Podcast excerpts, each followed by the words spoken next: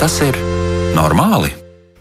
Esiet sveicināti! Atkal ir klāta svētdiena, un atkal mēs esam šeit, lai jautātu, vai tas ir normāli, domājot par ļoti daudzām un dažādām lietām. Kā ierasts svētdienu vakaros mēs esam satikušies, cenšamies uzdot visdažādākos jautājumus. Nu, kaut vai, piemēram, ko nozīmē iemīlēšanās. Daži eh, psihiatri un psihoterapeiti saka, ka tas ir gandrīz vai patoloģisks stāvoklis, un tad varētu jautāt, vai iemīlēties ir normāli.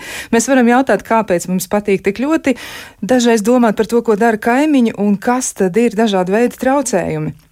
Protams, tie visi pelna ievērību, visi šie jautājumi, un tāpēc arī aicinām jautājumu uzdošanā iesaistīties arī jūs klausītājs. Sūtiet savas pārdomas, atziņas vai idejas uz raidījumu elektronisko pasta adresi, vai tas ir normāli, at Latvijas radio.lv. Varat sūtīt ziņas arī Latvijas radio mājaslapā, atrodot raidījumu, vai tas ir normāli, ziņojumu logu, un tad varat rakstīt, un tādā ziņā jūs arī piedalāties raidījuma veidošanā tādā aktīvā veidā uzreiz uh, klātienē, gan drīz vai patiesībā virtuāli, bet, nu, gan drīz jau tepat vien esat.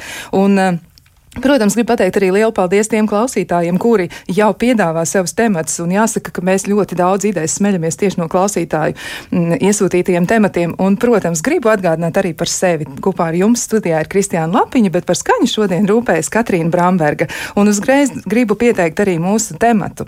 Šodien mēs eh, mēģināsim atbildēt, vai ir normāli baidīties, vai ir normāli nespēt nobraukt no kalna ar slēpēm, un vai normāli nespēt atvērt durvis dzīvē, nu, kaut kur iespējams uz kādām ļoti labām lietām.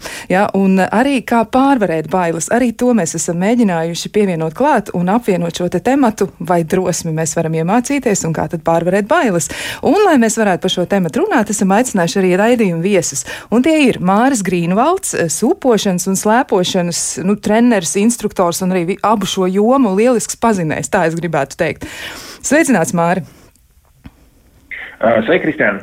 Jā, un vēl arī pie mums ir Marija Ābeltiņa, arī virtuālā veidā šoreiz, bet tomēr viņa ir klāta. Un Marija Ābeltiņa ir psiholoģija, supervizore, kognitīva behaviorālās terapijas speciāliste, lektore un vispār, jā, absolūti lielisks cilvēks. Tieši tāpat kā visi pārējie, un arī Māris, un arī visi, visi, kas mūs klausās. Nu, lūk, sveicināt, Marija! Jā, labvakar! labvakar. Jā, nu tad eh, es gribētu par tām, par tām bailēm un arī par drosmi varbūt sākt ar tādu nelielu ievadu, un iespējams arī, ka klausītāji jau kaut ko par to būs dzirdējuši, proti par kādu mm, nu, lietu, kas ir saistīts ar šo te konkrēto cilvēku. Un proti, es gribētu mazliet pastāstīt par Aleksu Honoldu. Uh, ir tāds izteiciens, ka tas ir cilvēks, kuram vispār ne no kā nav bail. Uh, tas ir cilvēks bez bailēm. Un šajā gadījumā Aleks Honolds tas ir viens no slavenākajiem un šķietami visbezbailīgākajiem kliņšu kāpējiem pasaulē. Katru reizi, kad viņš kāp klintī, viņš pakļauj sevi, nu, vismaz no malas skatoties, acīm redzamām briesmām. Jo viņš kāpa tikai ar talka maisiņu pie jostas, bez jebkādām drošības sistēmām, bez papildus aprīkojuma. Viņam ir tikai kliņš kāpēja apavi, viņam ir tikai e, sportiski šorti un principā tikai viņš pats. Jā, un tad varbūt, kad ir mazliet vēsāks, tad viņš vēl kaut ko uzvelk mugurā, bet būtībā viņš kāpja bez jebkāda e, drošinājuma. Un no vienas puses raugoties, tiešām mēs varētu domāt, ka tas ir fenomenāls sniegums, bet no otras puses e, Aleksa spēja kāpt klintīs katru reizi riskējot ar no ar varbūtēju bojā eju liek uzdot jautājumu. Vai viss viņam darbojas tieši tāpat kā citiem cilvēkiem, proti, viņa smadzenēs, un vai tas, ko viņš dara, ir normāli? Un ir arī tā, ka neirozinātnieki ir mēģinājuši pētīt eh, šī kliņša kāpēja smadzeņu darbību, un viņi ir noskaidrojuši, ka Aleksam eh, būtiska smadzeņu daļa, kura ir iesaistīta baiļu reakciju formēšanā, proti, amigdala, nu, ir tāds veidojums tur, ja, eh, acīm redzami bīstamās situācijās neaktivizējas. Nu, un no tā tad izriet jautājums, kas tad ir drosme, ja, ja mēs nu, ņemam par piemēru Aleksu Honoldu un viņa tiešām absolūti fantastisko sniegumu. Tad gribētu uzdot jautājumu, vai patiešām šis cilvēks nebaidās, vai arī ir kaut kas, kas nosaka to, ka viņš nespēja baidīties, un tāpēc viņš var darīt tādas lietas, kas nav pa spēkam citiem cilvēkiem. Nu, lūk, un te es gribētu uzdot pirmo jautājumu, un šo es uzdošu arī Marijai šoreiz. E, Marija, ko vispār nozīmē bailes cilvēkam? Kas tas ir, ka mēs baidāmies? Nu, laikam tā kā raidījums ir par to, vai tas ir normāli, es gribētu uzreiz teikt, ka baidīties ir normāli. Jā, Jā tas ir, tā ir viena no tādām uh, mūsu ķermeņa, mūsu smadzeņu, uh, nu, es teiktu, svarīgām funkcijām, kas patiesībā mums palīdz uh, pat ja mums pašiem ļoti nepatīk bailes, tas var palīdzēt mums neiekulties nepatikšanās un arī pasargāt sevi no potenciāli bīstamām situācijām. Tāpēc es teiktu, ka uh, baidīties ir normāli un tā ir uh, gan tāda emocionāla reakcija, ko mēs izjūtam un sakam, esmu satraukusies, es esmu nobijusies, vai tas, nezinu, šausmas, cik, cik traki tas ir. Uh, un tā ir arī fizioloģiska reakcija. Mēs visi zinām, ka, nu, kad mēs baidamies, nezinu, mūs var trīcēt rokas, vai uh, mēs varam, nu, tā kā mums var būt apgrūtināta, nezinu, uh, iespēja parunāt, jā, uh, un tā tālāk. Mums ir arī, uh, nezinu, šīs te uh, karstuma vilnis, vai tieši otrādāk augstie sviedri, jā, uh, un arī mūsu muskuļi uh, kaut kādā ziņā ļoti spēcīgi saspringst, gatavojot mūs, nu, reakcijai uz uz, potenciālu apdraudējumu. Ja? Tāpēc baidīšanās ir tāda ļoti uh, varbūt nepārāk romantiska, bet ļoti funkcionāla lieta, kas mums ir. Jā, pie tā mēs vēl mazliet arī atgriezīsimies, jo man liekas, tur ir arī tāda ļoti interesanta nianse. Nu, ja reiz mēs atgriežamies nedaudz pie tā piemēra par šo klinšu kāpēju, izskatās, ka tur nav viss īsti kārtībā, un tāpēc viņš vairs nebaidās. Vai varētu arī tā būt, ka bailes, nu, viņām būtu jābūt, bet bailes nav cilvēkam, un tad tas varētu pārvērsties par ko citu? Nu, es domāju, ka jā, ka tur ir mm, ļoti pareizi, kā to arī teica, ka iespējams, ka viņš nespēja baidīties, jā, jo ja viņam ir pētīta šī smadziņa darbība un ir atklāts, ka tas reģions, kas visvairāk arī smadzenēs atbild par, par baiļu reakciju, ka viņš neaktivizējās, nu tad kaut kas tur, nu, nenotiek tā, kā tas parasti mums notiek. Un ir dzirdēti arī gadījumi, piemēram, par sāpēm līdzīgā veidā, ka cilvēkiem, nu, neaktivizējās sāpju reakcija. Un tad arī var teikt, no vienas puses, o, cik ļoti apbrīnojami tam cilvēkam nekad nesāp galva, ja? bet ja mēs tā dziļāk paskatāmies, tad iespējams arī šis cilvēks varētu nonākt ļoti bīstamās situācijās, vienkārši neizjūtot sāpes, ja? arī tajos brīžos, kad, kad varbūt viņš pieskarās kaut kam karstam, ja? vai, piemēram, neizjūt temperatūru. Ja? Tāpēc es, es domāju, ka, nu, nu, nu, ka, ka, tas, ka tas tiešām ir uh, iebūvēts pārsvarā mums visiem, ka šī baiļu reakcija ir kaut kāda uh, norma, jā, ko, mēs, ko mēs izjūtam, bet, protams, ka mums katram var būt nu, tāda variācija, ja, uh, kāds izjūt vairāk bailes, kāds mazāk, un, protams, ka mēs arī uh, iemācāmies baidīties kaut kādās noteiktās situācijās un nebaidīties citās situācijās. Nu, lūk, un te mēs esam vēl vienā interesantā punktā. Tu nu pat teici, ja, ka mēs iemācāmies baidīties kādās situācijās un citās iemācāmies to nedarīt. Un te man jautājums Mārim. E, Māri, nu, tu esi cilvēks, kurš mēģina uzlikt citus cilvēkus uz tādiem rīkiem vai aprīkojumu, no kuriem viņiem arī ir bail. Nu, ja mēs, piemēram, ņemam mm, nu, par pamatu slēpošanu, kalnu slēpošanu, nu, tā ir tāda lieta, ar ko ļoti daudz cilvēku cilvēki ar milzīgu aizrautību un prieku nodarbojas, un ir tādi, kuri ar zināmām bažām uz to raugās. Un, eh, kāda ir tava pieredze runājot tieši par bailēm? Kas ir tas, ar ko tu visbiežāk saskaries kā cilvēks, kurš mēģina kādam palīdzēt šīs bailes pārvarēt? Un varbūt nu, ņemsim tādu konkrētu situāciju, piemēram, šo te mēģinājumu nokļūt lejā no kalnu slēpēm. Mm -hmm. uh, jā, uh, tā viņš arī ir. Es pilnīgi piekrītu katram Marijas vārdam saistībā par to, kā tās bailes uh, darbojās un par slēpošanu saistībā ar tā, ka uh, man šī interese par bailēm radās tad, kad es biju nokļuvis jau par instruktoru Austrijā, kur man bija tā iespēja strādāt ar iesācējiem un nu, ar iesācējiem no ļoti dažādām kultūrām, nācijām, tautībām.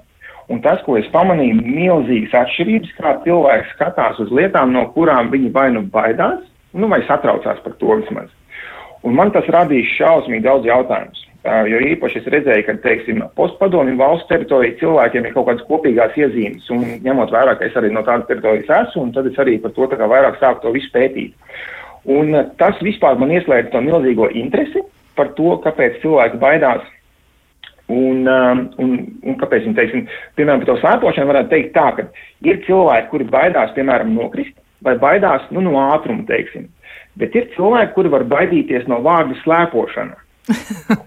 Viņu iekustināt ir ļoti grūti, jo viņš baidās no šī vārda slēpošana, un viņš, viņiem ir ļoti grūti analizēt, kas notiek, tas ir ātri vai nav lēni, jo viņš baidās no vārda slēpošana. Un tikai tad, kad mēs dabūnam no to, ja, tad tas process arī aiziet.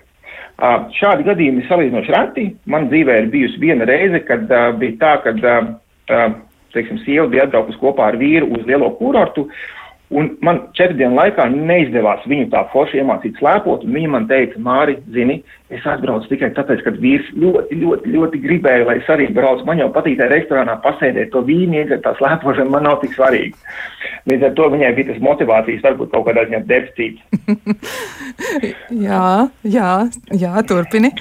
Un Un tas ir par to slēpošanu. Un eh, man ir jāpiemina arī tagad supošana, jo patiesībā supošanu es izvēlējos tāpēc, ka slēpošanā ir daudz riski apakšā. Teiksim, cilvēks, kurš grib aktīvāk kustēties, varbūt arī slēpot, bet ja viņš slēpojot gadās, ka viņš nokrīt kaut ko satraumējās, viņam viss apstājās, darbi apstājās, vēl kaut kas, un tur apakšā slēpjas šis fiziskais risks, kas šīs bailes dara nu, vēl tādas intensīvākas.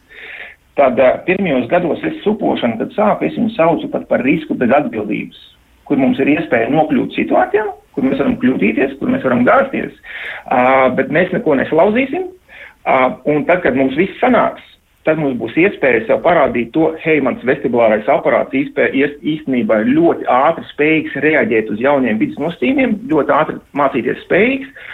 Un tad, kad cilvēks to supošanu ir sajūtis to, ka ev es varu, tad ir laiks doties uz kalnu, ja viņam arī tās bailes pirms tam ir bijušas, jo viņam būs daudz vieglāk tikt galā ar bailēm. Jā, bet tu teici, nu labi, supošana tā tad uh, risks bez atbildības, bet tur jau arī var gadīties, ja, ka ieveļās ūdenī un tad drusku vai, vai satraumies sev vai kā. Nu, kādreiz ir kaut kas uh, tomēr tāds, nu, nu, nu mazlietiņ, ja, kaut kas, par ko tad cilvēks varbūt arī apdomājas. Mm. Bet, uh, ja tu esi uz kalna un tu saki, ka četru dienu laikā tev neizdevās iemācīt ne, slēpot cilvēkam, jeb atbrīvot viņu no šīm bailēm, bet cik tad ātri tev parasti izdodas to izdarīt? Var, var vispār runāt par kaut kādu vidējo rādītāju, kad cilvēkiem izdodas pārvarēt bailes, nu pieņemot, ka, protams, Protams, tas ir ļoti individuāli, bet nu, tomēr varbūt ir kāds novērojums. Ja mēs ņemsim par piemēru, teiksim, cilvēku, kurš nekad nav slēpojis, kuram, kuram bailes nav tādas nu, ļoti, ļoti, ļoti spēcīgas. Viņam ir satraukums, bet nu, viņam nav tādas mega lielās bailes. Ja mēs runājam par lieliem autokalniem, teiksim, ja, tad divas dienas, katru dienu pa četrām stundām, šajā laikā var izdarīt ļoti, ļoti, ļoti daudz ja visu dara pareizi, ja sāka ar mazumiņu un, uh, un seko līdzi, cik ātri cilvēka prāts ņem pretī tos vidas nosacījumus, kas ir, uh, attiecīgi, kas ir jādara, ja, tad divās dienās var izdarīt ļoti daudz. Jā, bet kas ir tas būtiskākais pretestības uh, iemesls, jeb šķērslis? Kas tas ir? Bailes nokrist, tu teici, un vēl kaut kas varētu būt. Kas tas ir? E, es domāju, ka pats pats galvenais ir nezināmais. Tas, ka cilvēks vienkārši nezina, kas tas būs, un citi cilvēki veido kaut kādas ekspektācijas, kuras ir, teiksim, kaut kādā ziņā aplamas, un tad viņš uz tām uzķerās, ja? Vai, piemēram, viņam pavisam mazs ātrums liekas, ka tas ir ļoti ātri. Viņam ir sajūta, ka tas ir milzīgs ātrums jau, ja? Viņa, bet patiesībā tas vēl nav. Un tad mēs pamazām kāpinam to ātrumu sajūtu, tad viņš saprot, ah, ok, saprat, tas nebija ātri, un tad, kad ar to sajūtu viņi tiek galā, tad jau var doties tālāk, un tad viss arī stāv iet uz priekšu. Bet, eh, bet, bet atbildot savu jautājumu, kas ir tas, tad pārsvarā tas ir tieši tas nezināmais, ka tas ir kaut kas svešs, neizprasts vēl, un kamēr par to neizveidojās tādas objektīvas ekspektācijas, tikmēr arī tas iesprūdiens, tā teikt, var notikties. Jā, nu vēl es tev gribēju pajautāt, pirms es jautāšu tālāk Marijai, jo es gribētu arī viņas komentāru par tiem iespējamiem, nu, nu tiem cēloņiem, ja kāpēc cilvēki tā baidās, un tostarp arī, piemēram, no slēpošanas. Bet tu pieminēji kultūras atšķirības, tu teici, ka tādas ir. Kas tieši tas ir? Ko tu ar to biji domājis? Kultūras atšķirības par bailēm tieši runājot. Tu teici, ka tur ir, ir atšķirības. Kādas tad? Jā. Teiksim, mūsu platuma grādiem neizdošanās, bailes no neizdošanās tas ir viens tāds ļoti, ļoti, ļoti izteicis, kas citām kultūrām varbūt viņš ir atnācis pirmo reizi kaut ko mēģināt, un viņš objektīvi saprot, nu, nu iespējams, man uzreiz nesanāks, nu, iespējams, es tur kaut ko pakatīšu, iespējams, nebūs uzreiz viss baigs smuki, bet viņam tā nav liela kā problēma. Tad, manuprāt, mums ļoti bieži vien tas ir tāds, nu, nu tik ļoti negribas izgāzties kā vecais ētāji, nu, kā izdarīt to, lai tas uzreiz viss būtu smuki, skaisti, jauki un tā tālāk, un tās ir tādas, nu, tās ir tās, kas bieži vien arī bailītas, kuras, nu, tā kā Piemēram, arī cilvēki citreiz, nu, ziemā tas nav iespējams, bet, nu, vasarā supoja. Sakiet, vai tur būs vēl kāds cilvēks, vai kāds redzējis mani, vai vēl kaut kas. Tad, tad šī, šis ir tas milzīgais satraukums, kas, nu, mūsu kultūrai, nu, diezgan, diezgan, diezgan daudz ir novērojams. Nu, labi, mūsu kultūrā es to saprotu, un es arī par šo gribēšu Marijas komentāru, bet, mm. bet, bet citi, citas kultūras, nu kā tad citās kultūrās baidās cilvēki? Nu, ja viņi nebaidās no neizdošanās, tad kas tad viņus aptur? Nu, tur, tur arī tur varbūt piemēram traumas kaut kādiem, ja tiem, kas, manuprāt, ka, nu, pēc maniem tādiem novērojušiem arī kaut kur vairāk, piemēram, vācieši, varbūt viņi vairāk, viņi par drošību ļoti domās, ja viņiem būs ļoti svarīgi just to, ka, hei, Māri, vai šis kauns man nebūs par stāvu, ja, Jā. viņam būs ļoti, ļoti svarīgi tieši objektīvi novērtēt šo drošību.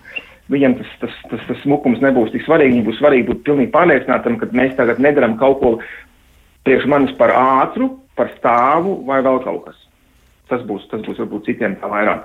Rekā, nu tad tās tomēr ir būtiskas atšķirības. Nu, lūk, un Marija, tagad tava kārta. E, es gribu mm. no tevis tad e, dzirdēt šo komentāru. Kā tu domā un ko tu esi novērojis un kā tu to varētu komentēt? Nu, Māris teica, tā tad bailes no neizdošanās, tas ir viens un bailes no nezināmā. Varbūt sāksim ar bailes no nezināmā. Kur vēl tas parādās un vai tiešām objektīvi tas ir bieži vien šo te baiļu pamatā? Kā tas izskatās tev? Uh Nu, es domāju, ka mums ir jā, kaut kādā ziņā šīs instinktīvās bailes gan no nezināmā, gan no uh, iespējams tādām uh, mērvienībām kā ātrums, augstums, jā, kaut, kaut kas tāds, kas uh, varbūt arī evolucionāri ir izveidojušās kā tādas reakcijas, ka labāk no, nu, pārsvarā cilvēkiem ir bail no augstuma, piemēram, jā, vai tiešām no liela ātruma, un mēs tā kopumā domājot varam saprast, ka Iespējams, ka šis arī ir labi, ka mums viņas ir un ka mums ir tas mehānisms, kas mēs viņus varam pārvarēt un saprast, ka hei, šajā situācijā tas nav riskanti, bet tā aut, nu, automātiskā vai tādā uh, dotajā, pir, pirmais, kas mums uh, parādās, ka viņas tomēr aktivizējās, jo tas varbūt mūs pasargā no tādiem neapdomātām pastaigām par, uh, par kaut kādām kraujām, ja? varbūt arī tas, uh, tas uh, tiešām arī mums izglāb dzīvību pa brītiņam. Tāpēc es domāju, ka tur ir kaut kas par tādu instinktīvo dabu, un, protams, tas, ko jau arī mm, pieskārās Māris par šo te domāšanas vai tādas uh, izvērtēšanu, nu, kas mums ir notiek, tās gaidas vai ekspektācijas, tas jau ir kaut kas tāds, kas, ko mēs darām, kad mēs ieraugam to realitāti, un mēs sākam viņu analizēt un dot ļoti ātri interpretēt, ko tas nozīmē. Un šeit gan, es domāju, liela loma ir tam, ko mēs esam iemācījušies un, kam, un cik ļoti akurāti mēs esam savā domāšanā un arī kādu pieredzi mēs esam guvuši. Es domāju, ka tas pieredzes moments arī ļoti būtisks. Viens ir tā mūsu kā cilvēku sugas pieredze, ja, kas mums ir iebūvēta, bet otrs mūsu nu, tāda individuālā bērnības vai jaunības pieredze. Ja. Vai mēs esam šļūkuši pie skolas no kalniņa un kā mums gāja, vai mēs pakritām un sasitāmies, vai mums vienmēr viss bija ļoti labi, ja, un mēs baudījām un guvām prieku. Un tas būs divi dažādi stāsti arī pieaugušo vecumā. Un tas pats ir par šo te kļūdīšanos, kā mūsu apkārtējā vidē reaģējas uz to, ka mēs kļūdāmies. Jā, vai mēs esam dabūjuši kaut kādu sodu, jā, vai nosodījumu par to, un tad mēs iemācāmies. Aha, ja tu kļūdies, tad būs traki. Un tad mēs baidamies patiesībā ne no tās tiešām slēpošanas, bet no tās kļūdīšanās. Ja? Un, un tas mums izraisa visu šo iekšējo stresa reakciju. Un, un, protams, ja mēs viņu nu, paši neapzināmies, tad mēs nereti nu, tā kā iesprūstam un patiesībā liedzam sev lietas, kur šis risks varbūt ir ārkārtīgi zems, bet tas prieks un bauda ir, ir liels, vai arī uh, vienkārši tas ir ļoti nu, būtiski mūsu dzīvēm. Jā, jā, tiešām bailes no neizdošanās. Nu, paldies, ļoti tāds izvērsts un, manuprāt, labs skaidrojums. Un te es atkal gribētu mazliet pievērsties Mārim un pajautāt, es zinu, ka tev ir, mm, nu, maza slēpotāja jau laikam šobrīd, kas ir, nu, apguvusi ļoti labi šīs lietas. Ja? Es zinu arī, ka tu savam bērnam esi spējis iedot daudz lietas un, un, un, un tas bija, nu, to varēja uzzināt arī citi cilvēki. Tu ļāvi dalīties ar savu pieredzi šajā jomā. Eh, kā tavuprāt atšķiras bērna pieredze, nu, kā viņš to iegūst un kas ir tas, ko tu darīji, lai iedot savam bērnam šo drošības izjūtu, jo izskatās, ka tev tas ir izdevies. Kas tad, kas tad ir tas, ko tu darīji? Uh, nu man ir tā, ka uh, tas galvenais, ko es darīju pirmajās reizēs, bija, lai viņa kalnā, kur viņa atpazīst, tur ir pacēlājs, tur ir kaut kāda konusi, tur, kur mazie mācās, tur ir kaut kāds bērnu pacēlājs, lai šīs lietas, ar kuras tur apkārt ir, lai viņas redz viņus kā tādas drošas, kā tādas rotaļlietas, ar kurām viņai gribās spēlēties. Nevis, nē, tur ir bīstami, nē, tur ir tas grūti, nē, tur ir tas, nevis visu laiku viņi tā kā mēģināt pasargāt no briesmām, bet mēģināt izdarīt visu tā, lai viņa nekur nevar iekrist, nekur nevar apgāzties, nekur nevar atsisties. Un tad ļaut viņai vienkārši justies labi. Jo no manas pieredzes tas ir galvenais, kas motivē bērnu, kad viņam ir iespēja darboties, un viņš jutās droši. Un te es varbūt gribētu pieminēt divas tādas būtiskas pieredzes no manas dzīves, kas man ļoti daudz ir iemācījušas, un varbūt kāpēc vispār man arī, nu, ar meitu bija daudz vieglāk. Tā pirmā pieredze bija tāda, ka man bija kaut kāds otrais gads uz kalna, un es ārā pie tā kā slēpošanas skolas gaidu savus klientus, un es redzu, ka viena maza meitenīte, kaut kādi četri gadi, viņa velk slēpīt, tā kā slēpju slēpj zābaka. Un viņai nevisai labi sanāk, viņa tur tā kā cīnās ar to. Un tad ir tā, ka ir vecāki, kas uzreiz palīdz, Bet šajā gadījumā māma bija blakus. Tas, ko māma izdarīja, ko es redzēju, viņa pagāja meitiņai tai pusē, no kurienes citi slēpotāji brauc, lai viņai neviens neuzskrietu virsū. Un tā meitene tur kaut kādas divas minūtes ar to slēpīt, tur cīnās. Bet tajā brīdī, kad viņa bija tikus tā mazā meitene slēpēs iekšā, viņa smaida paskatījās uz mammu, braucam. Viņa bija super pašmotivēta, super pašmotivēta pati visu darīt un dragāt. Tas bija tāds viens, kas man ļoti iedeva tā, kas tikko notikās, un otrs ir tā, ka, ja bērns nokrīt, viegli nokrīt, un, piemēram, es redzu to, ka viņš nesasitās, bet ja vecāks būs blakus, un viņš taisīs skatienus tādus, kas trokšņus, kas ir tādi tā kā satraukumi pilni, tad kas notiek ar bērnu? Bērns paskatās uz vecāku, ja viņš nav sasities, ja viņam nesāp, viņš pastās uz vecāku, redz, piemēram, mamma ir panikā, un tas ir tas brīdis, kad ir asaras, tas ir tas brīdis, kad te tikko notikās kaut kas bīstams, un man tagad viss kaut kas būs slikti. Tas, manuprāt, ir kaut kādā ziņā dabā ierakstīts, ka bērns, paskatoties uz vecāku, viņš mēģina saprast, kas tikko bija, jo viņš vecākam tā kā uzticās. Un eh, ļoti svarīgi bija tas, ka, ja, piemēram, mēs to sieviņu saucām par desmit sekundžu likumu, ja meita kaut kur nokrīt, Viņa pat var tā kā, nu, nezinu, varbūt gribētu sākt raudāt, bet ja mēs redzam, ka nav stipras sāpes, nav asins vai kaut kas tāds, mēs desmit sekundes neko nedaram. Un kā likums vairākumā gadījumu, pēc desmit sekundēm meita turpina smaidot darīt to, ko viņa bija darījusi. Un nebija nevienam mums opiņā vai kaut kādas tādas lietas. Man tas bija super svarīgi, lai viņa būtu tāda, nu, tā kā darīt griboša un droša. Jā, es redzēju tos video, kur viņai izdevās lieliski, manuprāt, tik galā ar tiem pirmiem izaicinājumiem. Tas bija apbrīnojami, nu tāds mazs knauķītis un, un tiešām, nu tā, es, es ļoti, jā, tā mēģināju sakot līdz tam visam, man šķiet, ka tāda ļoti laba panākuma. Desmit sekundžu likums, tu saki. Nu, varbūt arī Marijai apjautāsimies, kā tad ir, vai vecāki var inficēt ar savām bailēm bērnus un varbūt var izkropļot pilnīgi to priekšstatu par to, kāda ir situācija un tiešām atņemt spēju uzticēties pašiem sev. Nu, kā tas nostrādā? Nu, es domāju, varbūt inficēt, nē, bet, bet nu, tāds iemācīt, jā, jā. jā. Jo, protams, ka nu, bērni noteikti uh, mācās uh, dzīvot dzīvi no sev tuvajiem cilvēkiem. Jā, tie var būt gan, gan vecāki, gan vecāki brāļi un māsas, uh, vecmāmiņas. Jā, protams, visi svarīgie cilvēki, tas, kas ar bērnu pavada laiku. Uh, Un, protams, ka nu, mēs nevaram izdzīvot tikai uz instinktu bāzes. Jā, mums ir mēs tas, ko mēs arī ļoti nu, lielāko daļu iemācāmies. Un es tiešām piekrītu, ka šī reakcija uz, uz, uz to, kas ir noticis, ir ļoti būtiska.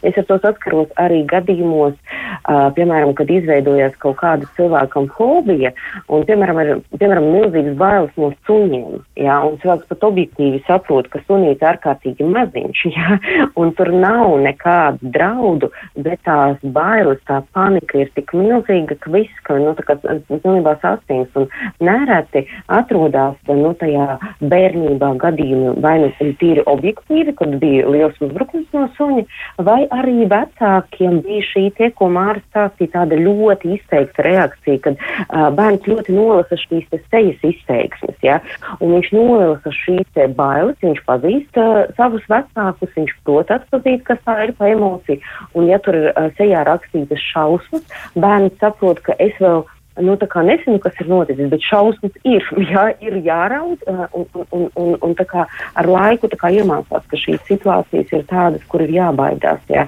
vai kur ir jāraud un, un jāsaka, nezinu, pie mammas meklēt to mierinājumu. Tāpēc noteikti, noteikti tas ietekmē. Jā, nu tad eh, iznāk arī tā, ka bērns dažreiz var kļūt pašierobežojošas. Ja, ja mēs nolasām kaut ko, iemācāmies un tad izveidojam tādu jā. kā jā, tādu uzvedības sistēmu, jā, tā varētu varbūt jā, apzīmēt. Jā. Un, un, un noteikti nu, kā, uh, ir šīs da, ļoti dažādas fobijas, gan, gan no zirnekļiem, gan no augstuma, gan no suņiem, gan no, gan no nezinu, pamest uh, savas uh, mājas telpas, ja, uh, tā saucamā agarofobija, ja, tad, kad ir bail kaut kur iziet vai iet. Um, tas viss ir arī nu, tādā, kad mūsu smadzenes iemācās būt ļoti jūtīgas uz tādām lietām, kas principā ir nu, tādas drošas, viņas nav bīstamas. Ja? Un, protams, ka, nu, piemēram, kognitīva behaviorālā terapeita darbs nereti ir iemācīt smadzenēm atpakaļ, ka, hei, šitas nav bīstami. Uh, un tas ir tas, ko arī Māris stāstīja. Tur ir ļoti līdzīgs šis princips, ka mēs pamazām mācāmies uh, izturēt uh, nu, tā kā, tādas uh, vieglākas bailītes, ja? un varbūt, ja tas ir kalna gadījumā, tādu pavisam maziņu kalnu, un tad mēs uh, ejam tālāk tālāk. Ja?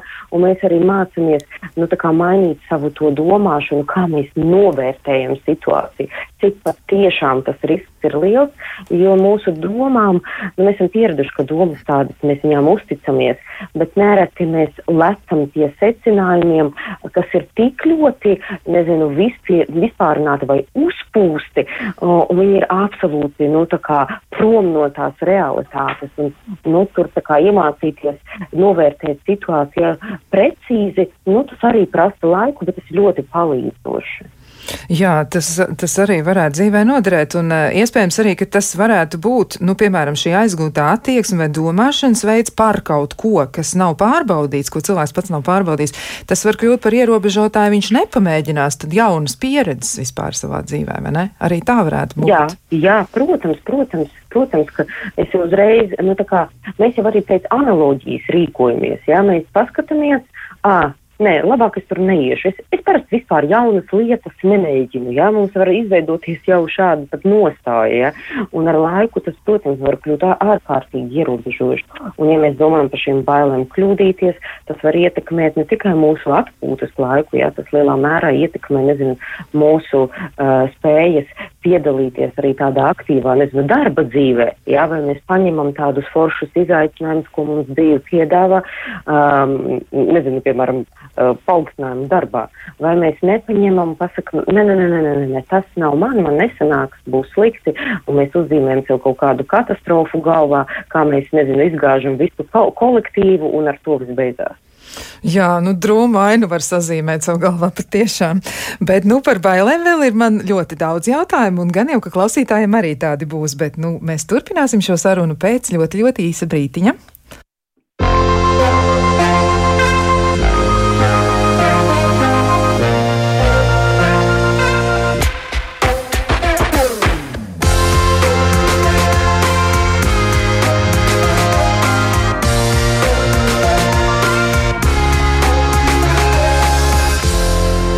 Tas ir normāli?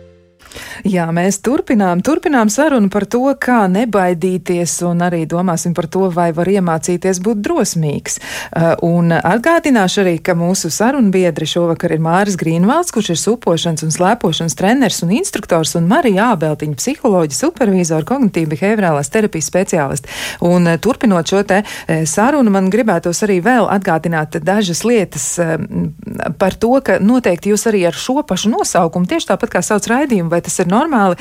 Jūs varat noklausīties arī podkāstus. Podkāstiem ir tieši šāds pats nosaukums, un eh, tos jūs varat atrast, izmantojot Latvijas sabiedrisko mēdīju mājaslapas um, piedāvājumu, un tur atradīsiet podkāstus ar eh, hashtag zīmīti. Ja? Nu, nezinu, kā latviskot, tagad to viss tāds apzīmējums, ja tur var atšķirt arī, kurš ir raidījums, kurš ir podkāsts, un silti iesaku paklausīties, jo ir ļoti dažādas pieredzes par dažādiem tematiem, un iespējams, ka kādam tas kalpos par tādu ļoti labu uzmundrinājumu kaut ko mainīt savā dzīvē, vai arī kaut ko pārdomāt. Bet tad, atgriežoties pie temata par baiļu pārvarēšanu, nu, te man gribas atkal nākamo jautājumu uzdot Mārim, un, un es jautāšu par to, nu, Kas ir tie paņēmieni, ko tad tu vēl izmanto, ja tu mēģini cilvēku e, pārliecināt par to, ka nu, būtu vērts kaut vai pamēģināt? Ar ko tad tu sāc? Nu, viņš, piemēram, ir uzkāpis uz tām pašām slēpēm, un izmantosim šoreiz varbūt tomēr to slēpošanu, jo liekas tas izaicinājums, kā tu pats arī teici, un cik es saprotu, ir tāds lielāks, ja, jo tur ir tādi, nu, tiešām e, iespējamie zaudējumi. Ja, un kas tad ir tas, nu, ko tu saki tam cilvēkam? Kā tu viņam palīdzi tikt ar to galā? Nu, viņš ir tur pārsprindzis un stāv un rokas kājas, viņš ir savilcis un nevar pakustēties. Ar ko tu sāc? Mm -hmm. uh, ir tā, ka nu, man, laikam, man laikam ir jāsaka, man jāsaka tā, ka, uh, ja piemēram man priekšā nonāk cilvēks, kurš ļoti baidās no slēpošanas, piemēram, viņš ļoti grib, es viņam pajautātu vienu lietu, klau, vai mēs varētu sākt ar supošanu. jo es varētu daudz efektīvāk iedot viņam šo foniņu, lai viņš varētu daudz vieglāk, ko, tā teikt, komunicēt ar šām, šīm bailēm. Ja? ja tā būtu ziema, teiksim, janvāris Latvijā ir paskaina vasara kā pagājuši, kad man ir cilvēks, kurš, hei, Māri, es tik ļoti gribētu mācīt slēpot, bet man ir tik ļoti bail. Un viņš gribētu pie manis, teiksim, atnākt. Es, protams, kad viņam mācīt viņš strādāt. Vai ja viņš atmest, piemēram, savus bērnus, kā pie manis, nu, kā bieži notiekās, jā, Un viņš skatās, klauva, kāpēc viņš tā nebaidās, kā viņam tā sanāk, kaut es tā būtu varējis, vai kaut es tā varētu. Un tad es arī ieminos, klauva, bet tu tā vari, mēs varam pamēģināt. Un tad parasti pirmajā reizē tā, nē, nē, nē, man jau nē, es jau nē. Un tā, kad otrreiz atved bērns, tad ir tā, ka, klau, mēs pagājušajā iemanējāmies par to, ka varbūt, tu arī pamēģini, ka tev tas varētu sanākt. Viņi tā, nu, jā, es jau tā kā biti gribētu, jā. Un tad jau mēs esam tuvāk tam procesam. Un tad bieži vien tā ir kaut kāda trešā reize, kad izdodas veikt to sarunu, ka, nu, klau, nu, nākošais pamēģināsim. Labi, pusstundiņu vienkārši mierīgi paņemsim slēpītas, rekte, pat plaknītē pakustēsimies, pastīsimies, kā tas būs. Un, uh, un tā tad arī tas sākās. Un, uh, kad cilvēks tos pirmos, pirmos metrus ir veicis, jā, tad viņam veidojās tā sajūta, ka, ah, reku, man arī var sanākt. Un te varbūt ir jāatgriežas mazliet atpakaļ pie tās pieredzes jautājuma. Tas, ko varbūt es nepieminēju, kas vēl tā kā attur to, ko Marija ieminējās šī pagātnes pieredze ir tā, ka daudzi paši ir atraugušies no tās slēpes pa to kalniņu piemājas braucot lejā, bet ko vēl bieži varbūt neņem vērā, ļoti daudzi ir redzējuši, kā viņu brālis vai māsa vai draugs vai vienalga kas, kaut ko darot, varbūt pārgalvīgi vai nepiemērot inventāru vai nepiemērotā vietā, kur salauž roku kāju, vēl kaut ko galva to ir redzējusi, un viņa zina, ka tāda opcija ir. Un patiesībā šīs bailes izveidojās nevis no personīgās pieredzes, bet no šī redzētā. Un uh, bieži vien šiem cilvēkiem šīs lietiņas arī tad iekšā ir, un tad, viņi tiek pie manis, piemēram, pirmais uzdevums, kas pie manis ir, kas parasti cilvēks vienmēr pārsteidz, es viņiem saku, klau, tagad uzvelkam tikai vienu slēpi. Un viņam liekas, kas tagad būs, ja? nu, tagad ar divām braukt, bet nu, kāpēc ar vienu, tas taču būs noteikti vēl grūtāk. Bet tad mēs sākam runāt par to, ka, lai, lai slēpīgi klausītu, mums ir svarīgi nevis mēģināt viņu kaut kur sagriezt ar muskuļiem, bet vienkārši pareizi nolikt savu svaru. Un tā kā mēs pareizi noliekam svaru, tad mēs varam sākt sajust, e, ka tā slēpīte dara to, ko tu teici. Un tā, kad viņš sajūt, ka tā slēpīte dara to, ko viņš var prognozēt, ko viņa darīs, viņš sāk kļūt ieinteresētāks, viņam kļūst interesanti, viņam būvējās objektīva ekspektācija. Tad mēs ar vienu kāju, ar otru kāju, tad mēs abās iekāpjam, tad mēs to bremzēšanu izrunājam.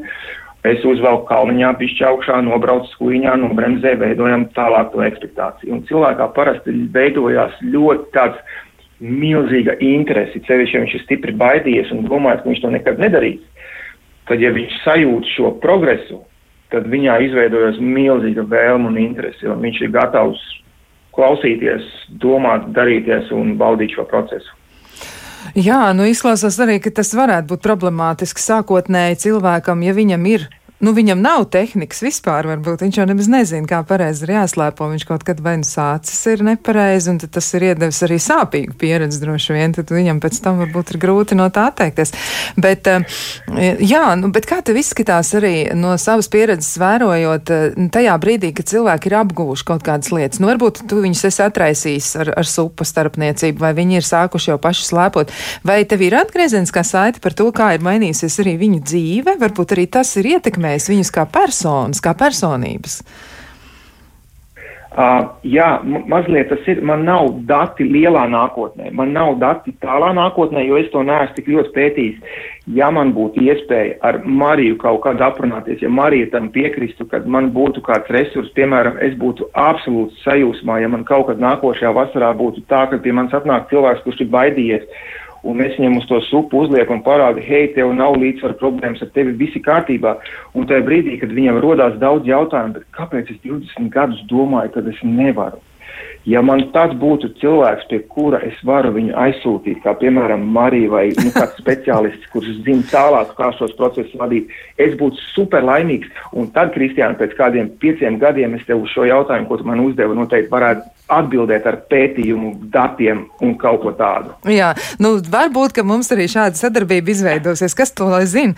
Jā, plāns ir labs, izklausās, izklausās iespaidīgi, un droši vien, ka šie dati arī varētu ļoti, ļoti noderēt. Bet, Marija, kā vispār ir? Vai tad, kad cilvēks apgūst kādas iemaņas un viņš kļūst bagātāks šajā ziņā, vai tas ietekmē viņa personību, un varbūt tas ietekmē arī nu, citas situācijas, kur viņš ir baidījies, viņš atrisina kaut ko vienu, kā tas ietekmē kaut ko citu? Uh -huh, uh -huh. Jā, nu, pirmkārt, es gribu teikt, ka man šausmīgi patīk visu kaut ko pētīt, un, protams, ka tas ir uh, interesanti, un, un, un, un, un tā man likās iespaidīgi arī apskatīties to, to objektīvi, kā, kā, tas, kā tas notiek. Un uh, tas, ko es zinu, jā, ka, protams, ka ja mums veidojās tāda laba pieredze Eh, nu, kaut kādu vienu baiļu pārvarēšanā mēs varam viņu tā kā izplatīt vai uh, gudriem vārdiem runāt, generalizēt, vai tā kā tiešām uh, mēģināt izmantot arī citās dzīves sfērās, un tas var mūs iedvesmot arī izmēģināt un pārvarēt kaut kādas citas bailes. Un es arī esmu piedzīvojusi arī savā praksē, ka cilvēks varbūt sāk ar vienu kaut kādu lietu un pēc tam saka, bet patiesībā man apakšā ir vēl tāda viena veca kaut kāda traumatiska situācija, ko es nu, domāju, ka es ar to vispār nekad netikšu galā, vai es esmu jau pieradusi ar to sadzīvot, ka es nekad to nedarīšu, vai man tas nekad neizdosies, bet varbūt Varbūt tomēr tas varētu izdoties. Tāpēc noteikti šī labā pieredze vai veiksmes, viņas ļoti mūs iedvesmo un kustēties uz priekšu. Un es domāju, tas, ko arī Māris stāstīja, uh, kas arī tāds, nu, arī terapijā ir šis pamats, uh, tādā psihoterapijā, ka ir svarīgi piedzīvot šos, šīs mazās veiksmes. Viņas ir ārkārtīgi motivējošas. Jo, ja tu paņem pa lielu to attīstības soli, ja, tu uzreiz pasaki, es došos uz sarkano vai kur tur melno trasi ja, vai kaut ko tādu. Un tas ir garants tam, ka tas ir nedoši, ka tur būs neveiksme. Un es pati patiesībā esmu šo pamēģinājusi. Diemžēl es sāku ārzemēs ļoti tādā agrīnā jaunībā ar sarkano trasi Uh, līdz ar to biju dabūjusi tādas arī bailes, un pats esmu mācījusies pēc tam bērnu prasīties at atpakaļ atgūt šo sajūtu, ka nē, ka man sanās. Un šī soļu un mazo solīšu metode ir ļoti svarīga. Mēs tiešām pamēģinam, mēs sev iedodam iespēju paeksperimentēt tādos drošos um, apstākļos un pēc tam apjēgt to, ka mums, hei, mums, tiešām sanāk, un mēs varam vadīt to procesu. Ja, tas nav kaut kas, uh, nu, kas, kas mūs vienkārši aizrauja, ierauga kaut kādā briesmu stāstā, un beigās mēs nezinu, tiešām guļam slimnīcā ar salauztām rokām un kājām. Traki, bet nu, viena jautājums tev, kas te tevi aizdzina uz to sarkano trasi? kas ar tevi notika, kad tu pieņēmi tādu lēmumu? Nu, um, es domāju, tāds um, jaunības maksimālisms iespējams nospēlē un arī tā, tādu um, varbūt uh, labu padomu devēju trūkums blakus, ja, jo pārējie um, nu, tādas grupas biedri aizgāja, viņi bija jau mācējuši slēpot, un tad, uh, protams, ka tas, ka mēs kā sociālas būtnes gribam ierakstīties savā mazajā grupiņā, man liekas, nu, nu ko tad tur es tur iešu, nu, gan jau, gan jau man sanāks, ja, tāda, nu, nedaudz pārgalvība, jo man, man sanāca mums tā nezinu, uz mazā piemājas kalniņa, nu, un tad es iedomājos uz tādām īstenām trasēm, es arī varēšu. Un tad, protams, šī nebija labākā pieredze manā dzīvē. Jā, nu, iespaidīgi arī tev ir, ir personisks stāsts par šo, ja, bet, nu, tomēr, nu, tad var arī atgriezties atpakaļ, un, kā to arī saka, ja atgriezties atpakaļ bez, nu, tādas, nu, nu tāda, tāda zaudējuma, mēģināt vēlreiz uzsākt to, lai iegūtu to labāko pieredzi. Savā ziņā varētu teikt, varbūt tāda tā kā pārrakstīta pieredze būs, un cilvēks jutīsies labāk. Bet, Māri, nu, tad man atkal jautājums tev, bet kā būtu, nu, paskatīties uz to no otras puses, jo ir arī cilvēki, kas tiešām dara pārgalvīgas lietas, un viņi riskē. Ko tu novēro uz kalna, un ko tu novēro cilvēku uzvedībā, kur izskatās, ka tur atkal ar tām bailēm arī viss nav īsti kārtībā, ka vairs nav tā kā Marija teica, ka baidīties ir normāli, un ka tam vajadzētu mūsu zināmā mērā pasargāt, bet ka tu redzi, ka nu, cilvēki dara lietas, kuras nevajadzētu varbūt darīt. Nu, tāda riskanta uzvedība jau ir vērojama. Ko tad, ko tādās situācijās, kā tad atgriezties pie tās, pie tā sabalansētā e, darbības veida? Uh, jā, Latvijā, diemžēl, jā, tas ir diezgan izteikti redzams, kad uh, vai nu, nezinu, to var nosaukt par kaut kādu sociālo lomu vai kaut ko tādu, ka gribās iekļauties tajā sevišķi čaļiem, tas, tas ātrums un tā pārgalvība un viss tas, kas joprojām redzams. apakšā varbūt tehnika ir slikta, bet uh, tik un tā grib skriet. Uh, daudz iekrīt tādā situācijā, ka viņi pa Latvijas kalniem it kā ir iemācījušies ātri braukt, uh, bet patiesībā viņiem nobremzēt ļoti palīdz tas, ka kalns vienkārši beidzās un sākās slīpums. Un kas notiek, ka viņi aizbrauc uz lieliem kalniem, nereti viņi gūst traumas, jo lielais kalns nebeidzās. Tu esi ieskrējies, un tev jau ir liels ātrums, un te ir jāsāk bremzēt. Un tā kā tu esi nonācis pirmoreiz dzīvē šai situācijā, ka tas stāvums nebeidzās, tu saproti, ka pagaidi, bet tagad inerce man dzen uz priekšu, un viss nav tik vienkārši. Priekšā ir citi cilvēki un vēl kaut kas, un tad ir viss kaut kāds nevajadzīgs traumas gan pašiem, gan citiem. Un, uh, Uh, atbildot arī uz tavu jautājumu daļu par to, kad, ko darīt šajā gadījumā, ja šī pārgalvība ir, es pastāstīšu, kā man to izmācīja ārā. Arī es biju no šiem, kas, kam patika skriet, lekt, darīties. Es pirmo reizi uz slēpēm uzkāpu apmēram 16 gadu vecumā. Es uzreiz aizbraucu uz trampolīnu un ļoti smagi nokritu uz muguras. Vai dieniņ? Un, uh, tajā laikā man, lik, un tad man likās, ka slēpes ir pilnīgs muļķības, tas nekam nedara. Nu, lūk, un apkārt brauc ar dēļiem, un tas tur tā kā varbūt bija stilīgāk, un es sāku snovot. Es, es snovoju desmit gadus, un tad es nokārtoju snovošanas instruktoru certifikātu, kuru es kārtoju, pirmo certifikātu es kārtoju Lietuvā, drusku Ninkai indoor halē, un uh, tad, kad es pirmo nobraucienu nobraucu mūsu instruktoru priekšā, viņi uzreiz teica, klausies, Māri, var redzēt, ka tu esi no Latvijas. Es saku, Džeki, kā jūs to pasakat, kāpēc? Viņš saka, tu brauc ar aizmugurēju kāju. Un tad viņi man izstāstīja par tehniku, kā ar svaru braukt, kā visu pārējo. Man sākumā likās, ka viņi man tur kaut kādas muļķības stāsta. Bet tad, kad es to iemācījos, ko man viņi saka, tas bija tiešām baudpilni. Vispār sākt braukt ar to snovu, man visi lecieni izmainījās, un es, es varēju sākt braukt drošāk, un man bija tā, ka es tiešām jūtu, kā es attīstos. Un nokļūstot Austrijā, bija tā, ka uh, man vajadzēja atkal uzkāpt uz slēpēm, uh, darba vajadzībām. Un bija tā, ka es sākumā arī diezgan trakoju tām slēpēm daudz gāzos, jo tomēr tā, tā tehnika atšķirās. Un man tur bija fantastiski kolēģi, 18, 20 gadīgi džeki, kuri brauc gan ar slēpēm, gan ar snowboardu. Un es tām slēpēm daudz krītu, un viņi man saka, klausies, Mārija, ja tu turpinās šitā gāzties, tad uh, tu, tu notraumēsies, mums nebūs ar ko alu dzert vairāk, tev būs jābrauc mājās, jo tu būsi gūs traumu. Un viņi man sāka mācīt slēpot. Un tas, kā viņi to darīja, tas bija manā pieredzē, nekas, es nebiju vēl piedzīvojis tādu attieksmi pret sevi, kad man kaut ko māca. Tas, kā viņi redzēja manu iemaņu līmeni, tas, kā viņi redzēja manas kļūdas un kā viņi meklēja vārdus, valodu, lai es saprastu, par ko viņi runā. Tā bija vienkārši fantastiska pieredze, un pēc komunikācijas ar viņiem, es uz jebko, ko es pirms tam darīju ar kaut kādā ziņā, varbūt pārgalvību, es sāku skatīties pilnīgi savādāk, jo pirms tam man pārgalvībā likās, tas, tas ir interesanti, tas ir aizraujoši. Tad pēc komunikācijas ar šiem cilvēkiem un tās pieredzes sapratu, ka tā interese ir tajā, ka tu mācies tieši to soli pa solim. Tu vari vērot gan, kā mainās tava fiziskā iemaņa, tu vari saprast, uz kurien tu virzies, gan tu vari vērot, kā tava galva neaprakstāmi bauda šo procesu.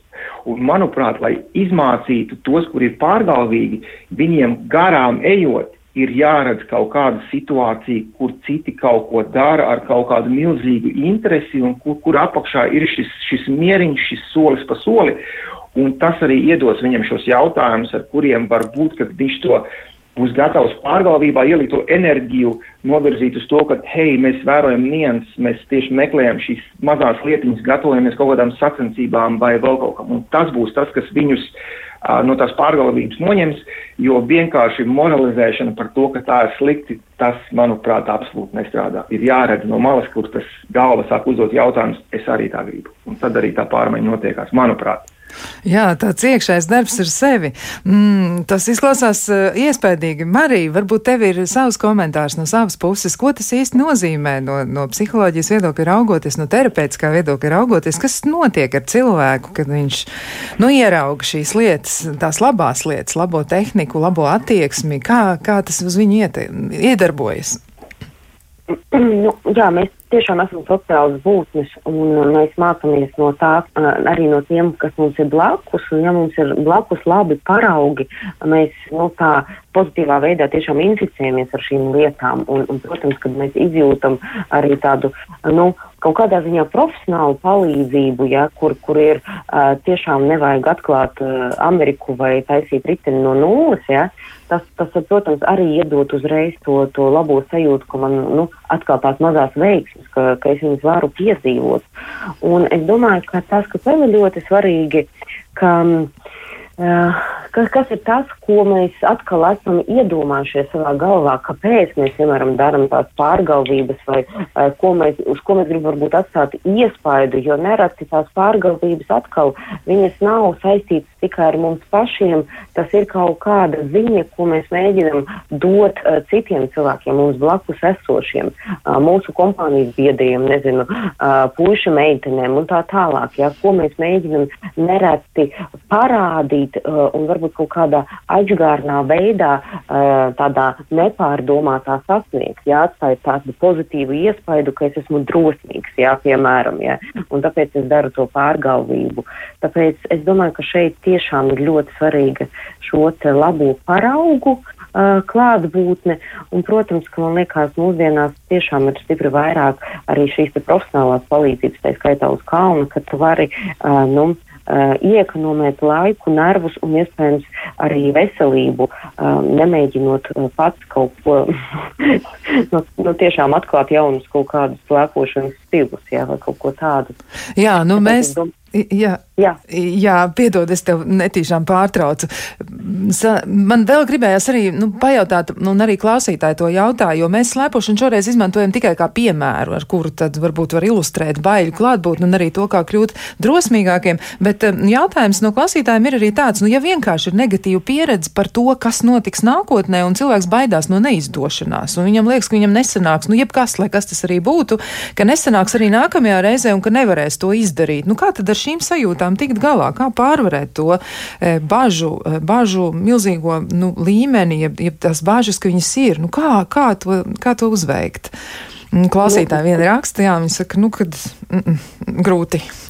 Marija, nu, ko teiksi? Uh, Es domāju, ka nu, viens ir tas, ko mēs jau teicām, šis te pakāpeniskums. Un šeit ir tiešām ļoti svarīgi izveidot savus mazos soļus, ja, un, un mēģināt saprast, kas man izraisa. Ja mēs neesam tā ikdienā pieraduši domāt, uh, ka tās bailes, ka viņām ir gradācijas, ja, un ka mēs viņas varam nu, kaut kādā ziņā uh, mērīt, nezinu, tā kā zemestrīces ballēs, ja, nezinu, desmit baļu sistēmā. Ka man var būt uh, tādas bailes, kas ir tiešām tās desmit balles, kad tā ir jau panika jā, un viss, viss es, ne, es neko vairs nevaru. Bet varbūt arī bailes uz trim ballēm, kad man tā kā tā zeme, zeme vēl tur šūpojās, bet, bet vēl es varu izturēt, noturēties uz kājām. Un, protams, ka tā izdošanās pieredze ir tas, kas iemāca mūs, ka var būt savādāk. Ja? Mums ir ļoti būtiski viņu pie, piedzīvot.